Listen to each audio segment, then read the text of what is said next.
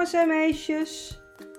Vandaag vertelt oma Guus speciaal voor jullie een sprookje. En dat heet De Tandenveeënzoek. Luister maar goed. Lang, heel lang geleden, toen er nog geen tandartsen waren, dus dat, is echt heel lang geleden, was er een land waar iedereen een gaaf gebit had. Wat zeg je nu? Een gaaf? Had iedereen gave tanden en kiezen? Niemand een gaatje, helemaal niets? Ja, zo was het. Alle mensen hadden mooie witte tanden en kiezen. En Glansje had de mooiste. Haar tanden straalden je al van verre tegemoet. Ze waren zo mooi en glanzen zo sterk dat als ze in de ochtend vanuit haar torenkamertje naar buiten keek, de mensen in het land een zonnebril moesten opzetten. Omdat de zonnestralen weer kaatsten in haar lach. Haar naam was dan ook niet toevallig Glansje, maar dat had je natuurlijk al begrepen. Wat leuk dat jullie weer luisteren. En laten we dan nu snel met het verhaal beginnen, want in Glansrijk zijn alle kinderen in rep en roer. Echt waar. En waarom? De tandenveeën zoek. Ook Glansje maakte zich zorgen. Maar ja, Glansje zou Glansje niet zijn als... Nou, luister maar, dan weet je straks het hele verhaal. Het was op een ochtend in de voorjaarsvakantie dat Glansje wakker werd van het geluid van de grote haan in de achtertuin van het paleis. Kukkeleku, kukkeleku. Je kent het wel. Ze keek meteen onder haar hoofdkussen, want de avond daarvoor had ze daar een tand neergelegd. Mooi ingepakt in kleurrijk papier. Haar moeder Carlijn had haar verteld over de tandenvee.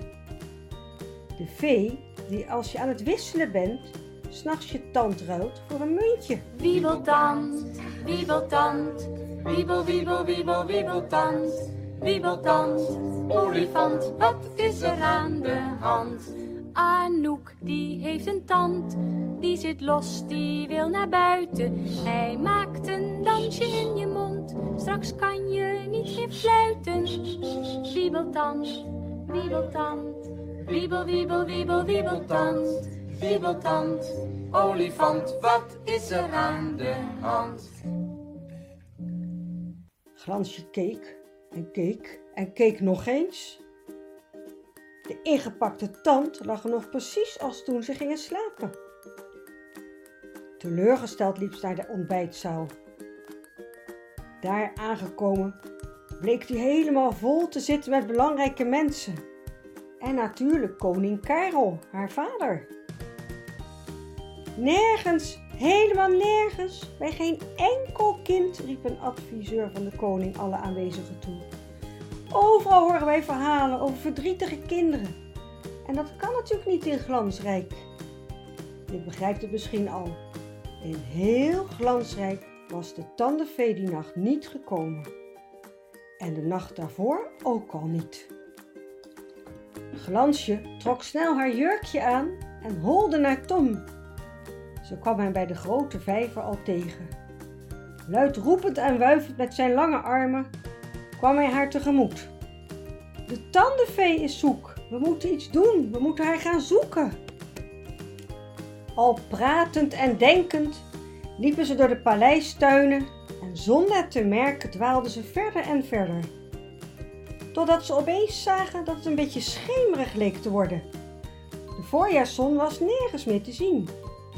Ze waren in een heel groot bos terechtgekomen. Opeens hoorden ze een geluid. Wat was dat nu? Glansje en Tom hielden gespannen even hun adem in en luisterden goed. Help! Wie helpt mij? Help! hoorden ze een lief stemmetje roepen. Meteen gingen ze kijken. Het geluid kwam van achter een grote struik. Daar zat ze, een lief meisje. Nee, geen meisje. Had mooie doorzichtige vleugeltjes en een lichtblauw jurkje met glittertjes aan. Het was, oeh, jawel, de tandenvee. Met traantjes op haar wangetjes.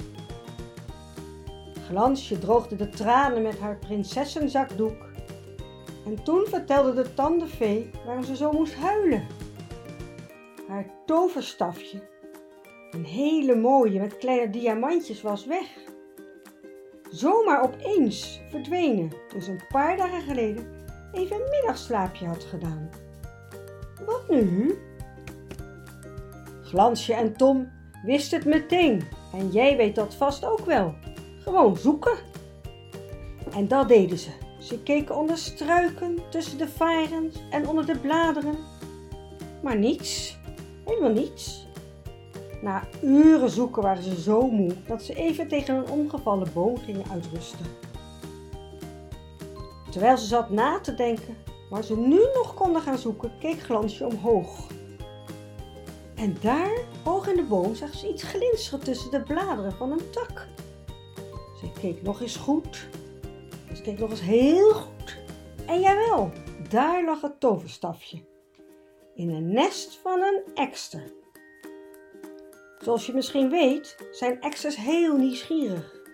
Ze staan erom bekend glimmende voorwerpen als sieraden en zilveren theelepeltjes en spiegeltjes te stelen en naar hun nest te brengen. Hé jij daar, lieve ekster, weet je wel wat je hebt gedaan? riep Glansje tegen de ekster. De ekster keek verrast vanuit zijn nest naar beneden. Nee, wat is er dan? kraste hij. Glansje vertelde hem wat er aan de hand was en dat alle kinderen in glansrijk verdrietig waren. En de tandenvee zelf natuurlijk ook. Ach, toen de ekster dat hoorde, vloog hij meteen uit de boom naar beneden, met het toverstafje in zijn bek. Met een bijna rode snavel van schaamte. De tandenvee was dolgelukkig. En Glansje en Tom natuurlijk ook. Snel liepen ze terug naar het paleis, uit het bos en door de weilanden. De zon verdween al achter de horizon. De tandenvee wees hen de weg, waarbij ze haar toverstafje lachend heen en weer zwaaide en een vrolijk tandenliedje zong. Wil je mooie tanden kiezen, ze stralend en wit? Poetsen voor het slapen en je krijgt zo'n gebit. Pak je tandenborstel en je tandpasta. Kijk maar goed wat Jokie doet. En doe hem maar na. Poetsen, poetsen, poetsen. Poetsen, poetsen, poetsen. Poetsen, poetsen, poetsen. Twee keer op een dag. Eerst ga je op en neer, op en neer, op en neer. Eerst ga je op en neer door je hele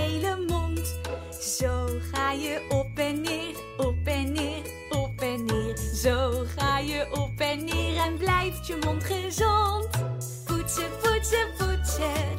Poetsen, poetsen, poetsen. Poetsen, poetsen, poetsen. Twee keer op een dag. Wat kun jij goed poetsen, zeg? Nog net voor het avondeten kwamen Glansje en Tom terug, hongerig, in de ontbijtzaal van het paleis. Daar zaten de belangrijke mensen nog steeds door elkaar heen te roepen over wat ze nu het beste konden gaan doen om de tandenvee te zoeken. Glansje en Tom moesten in een hoekje van de zaal een beetje om giechelen. Die rare volwassenen toch altijd. Na het eten gingen ze snel naar bed, moe, maar heel tevreden. En de volgende ochtend, je begrijpt het al. Onder haar kussen vond Glansje een opgepoetst muntstukje. Met een prachtige tekening erbij van de tandenvee. Een tekening van een groot rood hart met een klein extra's erin.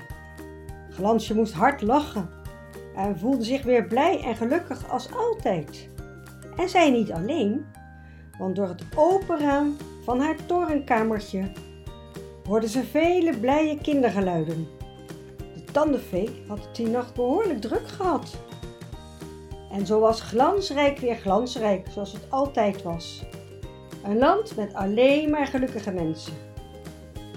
En mocht je de volgende keer als je je tanden poetst denken of een extra echt met kinderen kan praten, denk dan maar aan je eigen lievelingshuisdier. Je hond, je kat of je olifant. Nee, die natuurlijk niet. Met hun praat je toch ook?